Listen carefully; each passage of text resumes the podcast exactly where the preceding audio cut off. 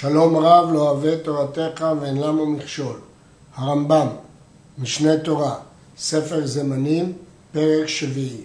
מצוות עשה של התורה לספר בניסים ונפלאות שנעשו לאבותינו במצרים. בליל חמישה עשר בניסן, שנאמר זכור את היום הזה אשר יצאתם ממצרים. כמו שנאמר זכור את יום השבת לקדשו. ומנין שבליל חמישה עשר תלמוד לומר, והגעת לבנך ביום ההוא לאמור בעבור זה, בשעה שיש מצה ומרור מונחים לפניך.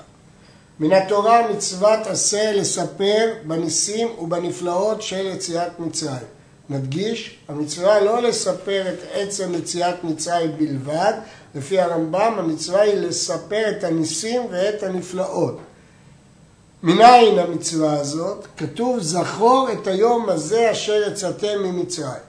ומניין שהזכירה הזאת בפה, כמו שנאמר, זכור את יום השבת לקדשו, שהזכירה היא בפה.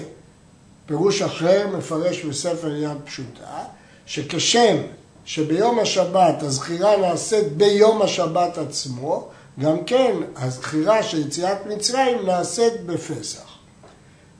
מתי צריכים לזכור את יציאת מצרים? והגעת לבנך ביום ההוא. ביום ההוא, אפשר שזה כל היום, תלמוד לומר בעבור זה. זה זה כאשר אפשר להצביע על משהו. בשעה שיש מצה ומרוע מונחים לפניך. הרעיון פה שהסיפור יהיה חווייתי, לא יהיה מנותק מהמוצגים שאפשר להצביע עליהם, כדי שהוא יותר ייקלט באוזנו של הבן.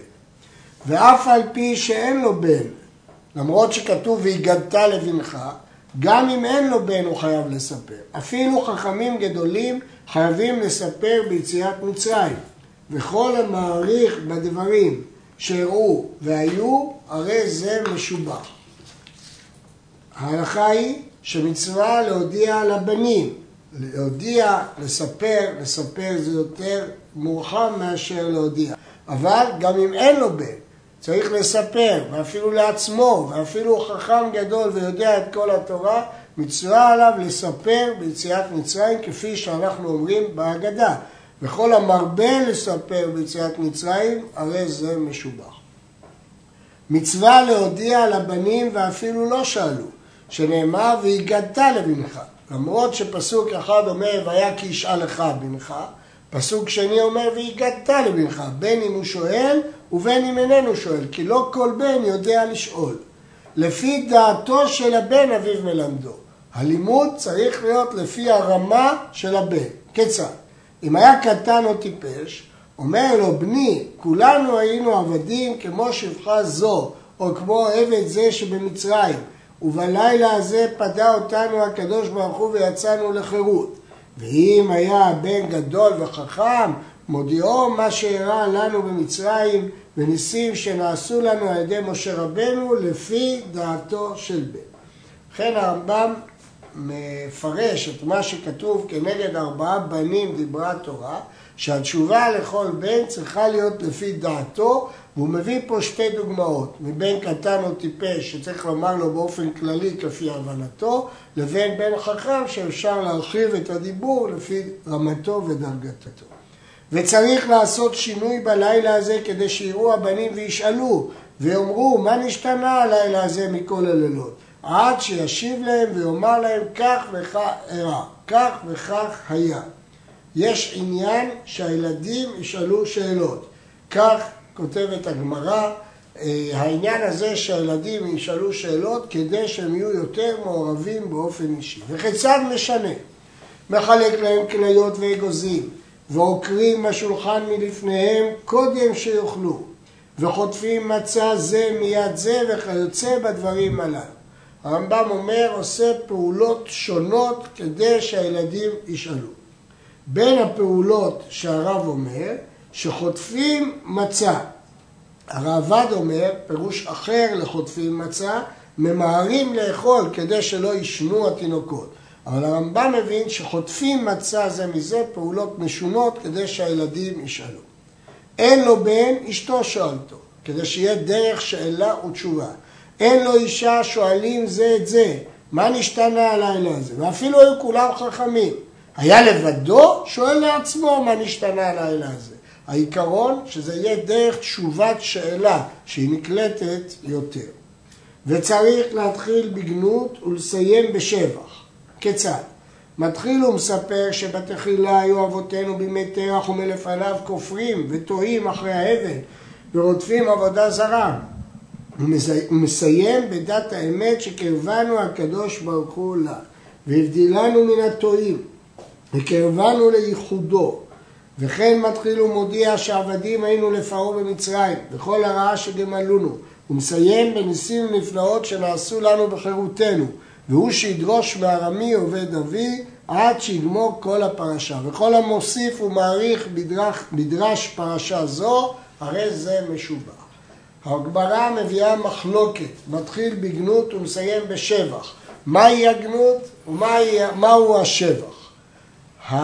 מניין למדה הגמרא שמתחיל בגנות ומסיים בשבח? מפרשת מקרא ביקורים, שהיא מתחילה בגנות ומסיימת בשבח. לכן גם כאן אנחנו מתחילים בגנות ומסיימים בשבח. אבל מה הם הגנות והשבח? נחלקו רב ושמואל. רב מדבר על העניין הרוחני, שמתחילה עובדי עבודה זרה היו אבותינו, הכוונה לתרח אבי אברהם. הרמב"ם כותב תרח, הוא לא כותב שאברהם עבד, אלא תרח. ואו ייתכן שכיוון שהוא אומר בימי תרח, אולי זה כולל את אברהם בזמן ילדותו, ולכן אנחנו קוראים לזה אבותינו. לפי שמואל, השבח והגנות הם במציאות הפיזית של עם ישראל, שהיו עבדים ויצאו לבני חורין. הריף כתב שאנחנו עושים כדברי שניהם, וכך פוסק הרמב"ם שאנחנו עושים כדברי שניהם.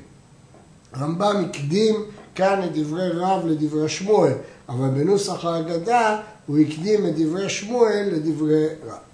מסיים הרמב"ם שיש לדרוש את פרשת ארמי עובד אבי. על כך בנויה ההגדה שבידינו, כי פרשה זו מתחילה בגנות ומסיימת בשבח. מדוע חכמים דרשו דווקא את הדרשה של ארמי עובד אבי בתור הגדה של פסח? נראה לומר, מפני שכתוב שם, הגדתי היום להשם אלוקיך. ונאמר בפסח, והגדת לבנך. אם כן, התורה בעצמה אומרת מה צריך להגיד. כל מי שלא אמר שלושה דברים אלו בליל חמישה עשר לא יצא ידי חובתו. ואלו הם פסח, מצה ומרור ומרורים. פסח על שום שפסח המקום ברוחו על בתי אבותינו במצרים, שנאמר ועברתם זבח פסח הוא להשם. מרורים על שם שמררו המצרים את חיי אבותינו במצרים. מצה על שם שנגאלו, ודברים האלו כולם הם הנקראים אגדה. כל מה שכתבנו עד עכשיו, כולל החלק הזה, נקרא הגדה. המשנה והרמב"ם בעקבותיה כתבו שצריך להסביר את פסח, מצה ומרור. מה פירוש לא יצא ידי חובתו? מלשון הרמב"ם משמע לא יצא ידי חובתו לחלוטין, שזה בסיס ההגדה. אבל ברן דן האם לא יצא ידי חובתו, הכוונה לא יצא ידי חובתו כתקנה, אבל יכול להיות שהוא יצא ידי חובתו. הלכה ו' בכל דור ודור חייב אדם להראות את עצמו כאילו בעצמו יצא אתה משעבוד מצרים. שנאמר ואותנו הוציא משם. ועל דבר זה ציווה בתורה, וזכרת כי עבד היית, כלומר כאילו אתה בעצמך היית עבד ויצאת לחירות ונפדית. יש כאן הלכה ייחודית ברמב"ם, לא כפי שאנחנו נוהגים לומר שבכל דור ודור חייב אדם לראות את עצמו, אלא להראות את עצמו, לעשות מעשים שהוא יראה בהם כאילו הוא יצא ממצרים. כי ההדגשה בפסח היא שהאדם ירגיש שהוא נגאל במצרים. כלומר, שהגאולה שהייתה של אבותינו נוגעת גם אליו כיום, מכיוון שהגאולה שיצאו מעבדות לחירות היא שנטעה בנו את החירות לאורך כל הדורות. לפיכך כשסועד אדם בלילה הזה צריך לאכול ולשתות והוא מסב דרך חירות. כיוון שאמרנו שהאדם צריך להראות את עצמו כאילו הוא יצא ממצרים, לכן הוא צריך לבצע פעולות שיראו שהוא יצא ממצרים. איזה פעולות? להראות חירות. חירות היא השיבה, כמו שבני חורין אוכלים. וכל אחד ואחד בין אנשים ונשים חייב לשתות בלילה הזה ארבעה כוסות של יין. אין פחות מהם. ואפילו אני המתפרנס מן הצדקה, לא יפחתו לו מארבעה כוסות. שיעור כל כוס מהם רביעית. אם כן, הרמב"ם אומר שצריך ארבעה כוסות, בהמשך נראה דיון לגבי כוס חמישית, לא פוחתים, כלומר המינימום הוא ארבעה כוסות. אפילו אני שמתפרנס מהצדקה לא יפחתו לו מארבעה כוסות, ושיעור של כל כוס היא רביעית. החיוב של יין הוא גם באיש וגם באישה, למרות שאין דרכה של אישה ביין, פה החיוב הוא גם איש וגם אישה. אפילו אני שבישראל לא יאכל עד שיסב. אישה אינה צריכה הסיבה, ואם אישה חשובה היא, צריכה הסיבה. נחלקו הראשונים בטעם מדוע האישה פטורה מהסיבה. הרשב"ם כתב שאימת בעלה עליה. בעל הלכות גדולות והשאילתות כתבו שאין דרכם של נשים להסב מפני הצניעות, נפקא מינה באישה שהיא אלמנה, שאין אימת בעלה עליה. הרמב"ם לא חילק ופסק שכל אישה אינה צריכה הסבה, אלא אם כן היא אישה חשובה. אבל תלמיד בפני רבו אינו מסב, אלא אם כן נתן לו רבו רשות. יראת רבו עליו, כבוד רבו, הוא לא יכול להסב. אלא אם כן מרשה לו. והסיבת ימין אינה הסיבה. מדוע הסיבת ימין אינה הסיבה? רש"י מפרש, פני שצריך לאכול בימינו. הרשב"ם כתב, מחשש סכנה, שמא יקדים קנה לבשת. נפקא מינה ביניהם לגבי איתר, שלפי רש"י יסב על ימינו כדי שיוכל לאכול בשמאלו. הרמב"ם והשולחן ערוך לא חילקו בין איתר לאחר. וכן המסב על עורפו או על פניו, אין זו הסיבה, כי זה לא נוח לאכול בצורה כזאת. בשעת אכילת כזית מצה ובש... ומתי צריכין הסיבה?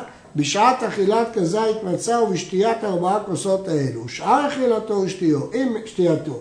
אם הסב הרי זה משובח, ואם לאו אינו צריך. עיקר חיוב הסיבה זה באכילת כזית מצה ובשתיית ארבעה כוסות. ארבעה כוסות האלו צריך למזוג אותן, כדי שתהיה שתייה ערבה, הכל לפי היין ולפי דעת השוטה, ולא יפחות בארבעתן מרביעית יין חי. חייב לשים רביעית יין חי.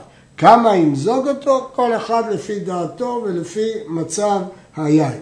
שתה ארבעה כוסות אלו מיין שאינו מזוג, יצא ידי ארבעה כוסות.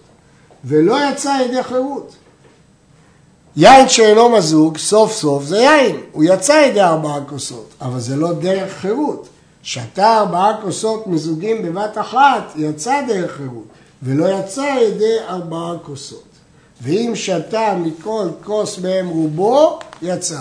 אמרנו שכל כוס צריכה להיות רביעית, שמתוכה רביעית יין חי, אבל אם הוא שתה את רובו, זה מספיק. כל כוס וכוס מארבעה כוס, כוסות האלו מברך עליו ברכה בפני עצמה. זה לשון הגמרא, שכל כוס וכוס היא מצווה בפני עצמה. מזה למד הריף שצריך לברך על כל אחת ואחת. מדוע? אומר הריף, כתוב בגמרא בחולין, שאם שחט כמה חיות, מברך ברכה אחת לכולם. אבל אם הוא צריך להפסיק בכיסוי הדם, צריך לברך שוב, כי אי אפשר לשחוט ולכסות בבת אחת. גם כאן אומר הריף, אי אפשר לשתות ולקרוא את ההגדה בכל, באותו זמן, ולכן צריך לברך על כל כוס וכוס. התוספות חולקים וסוברים שקריאת ההגדה אינה הפסק. רק כשיש דיבור שמנוגד לסעודה, כמו ברכת המזון, אז צריך לברך מחדש. בעקבותיהם פסק השולחן ערוך שיש לברך על כוס ראשונה ושלישית בלבד. אבל דעת הרמב"ם שעל כל כוס מברך כדעת הריף. אילו ברכות מברך על כל כוס. כוס ראשון אומר עליו קידוש היום. כוס שני קורא עליו את ההגדה. כוס שלישי מברך עליו ברכת המזון. כוס רביעי גומר עליו את ההלל ומברך עליו ברכת השיר. ובין הכוסות האלו, אם רצה לשתות שותה, בין שלישי לרביעי אינו שותה. כל כוס מקיימים בו מצווה, כך אומרת הגמרא. כוס ראשון מצוות קידוש, כוס שני אגדה, כוס שלישי מצוות ברכת המזון, כוס רביעי גומר עליו הלל ושיר שזה נשמת כל חי.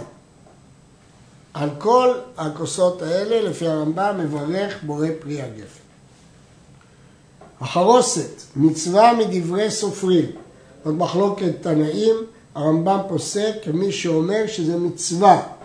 זכר לטיט שהיו עובדים בו במצרים. וכיצד עושים אותה? לוקחים תמרים, או גרוגרות, או צימוקים וכיוצא בהם, ודורסים אותם, ונותנים לתוכם חומץ, ומטבלין אותם בטבלים, כמו טיט בתבן, ומביאים אותן על השולחן בלילי הפסח. הרמב"ם מעריך לתאר פה כיצד מכינים את החרוסת, מדוע? כי היא מצווה שהיא תהיה דומה לטיט. ולכן אנחנו רוצים לעשות אותה בצורה שהיא תהיה דומה לטיט, ולכן הרמב"ם מפרט את צורת עשייתה. אכילת מרור אינה מצווה מן התורה בפני עצמה, אלא תלויה היא באכילת הפסח, שמצוות עשה אחת לאכול בשר הפסח על מצה ומרורים. ומדברי סופרים לאכול המרור לבדו בלילה זה אפילו אין שם קורבן פסח. פתחנו בתחילת ההלכות שאכילת מצה איננה תלויה בקורבן הפסח מפני שכתוב בערב תאכלו מצות אבל אכילת מרור כן תלויה באכילת הפסח שכתוב על מצות ומרורים תאכלו ולא כתוב פסוק אחר לאכול מרור. ולכן כשאין קורבן פסח אכילת מרור היא רק מדברי סופרים. וגם כשיש קורבן פסח אכילת מרור לא נחשבת כמצווה בפני עצמה, אלא היא מלווה את מצוות עשה של הפסח, כי המצווה היא לאכול את הפסח עם מצות ומורים. אז גם כשהיה קורבן פסח, לא היינו מונים את אכילת המרור כמצווה בפני עצמה. אבל בוודאי שהיום, שאין לנו בעוונותינו קורבן פסח, אכילת מרור היא לא מן התורה, אלא רק מדברי סופרים. מהו מרור? מרורים האמורים בתורה. בתורה כתוב מרורים, הן החזרת והעולשים. והתמחה והחרחבינה והמרור. ישנם זיהויים שונים של הצמחים הללו. כל אחד מחמשת מיני ירק אלו נקרא מרור, ואם אכל מאחד מהם או מחמישתן כזית, יצא, והוא שיהיו לחים. אפשר לאכול מאחד, אפשר לאכול מכולם, בתנאי שיהיו לחים ולא יבשים, דין המשנה. ויוצאים בקלח שלהם. החלק שעולה על פני האדמה, זהו הקלח, לא השורש, הקלח. אפילו יבש, ואם שלקן או כבשן או בישלן, אין יוצא בהם. הבישול הוא בישול מרובה, השליקה בישול מועט במים בלבד. הבישול והשליקה והכבישה משנים את טעם המרור ולא יוצאים בהם ידי החובה. נדגיש, הרמב"ם לא קבע דרגות של סוגי המרורים, הוא מנה את כולם ולא הבחין שיש סדר מסוים לקחתם.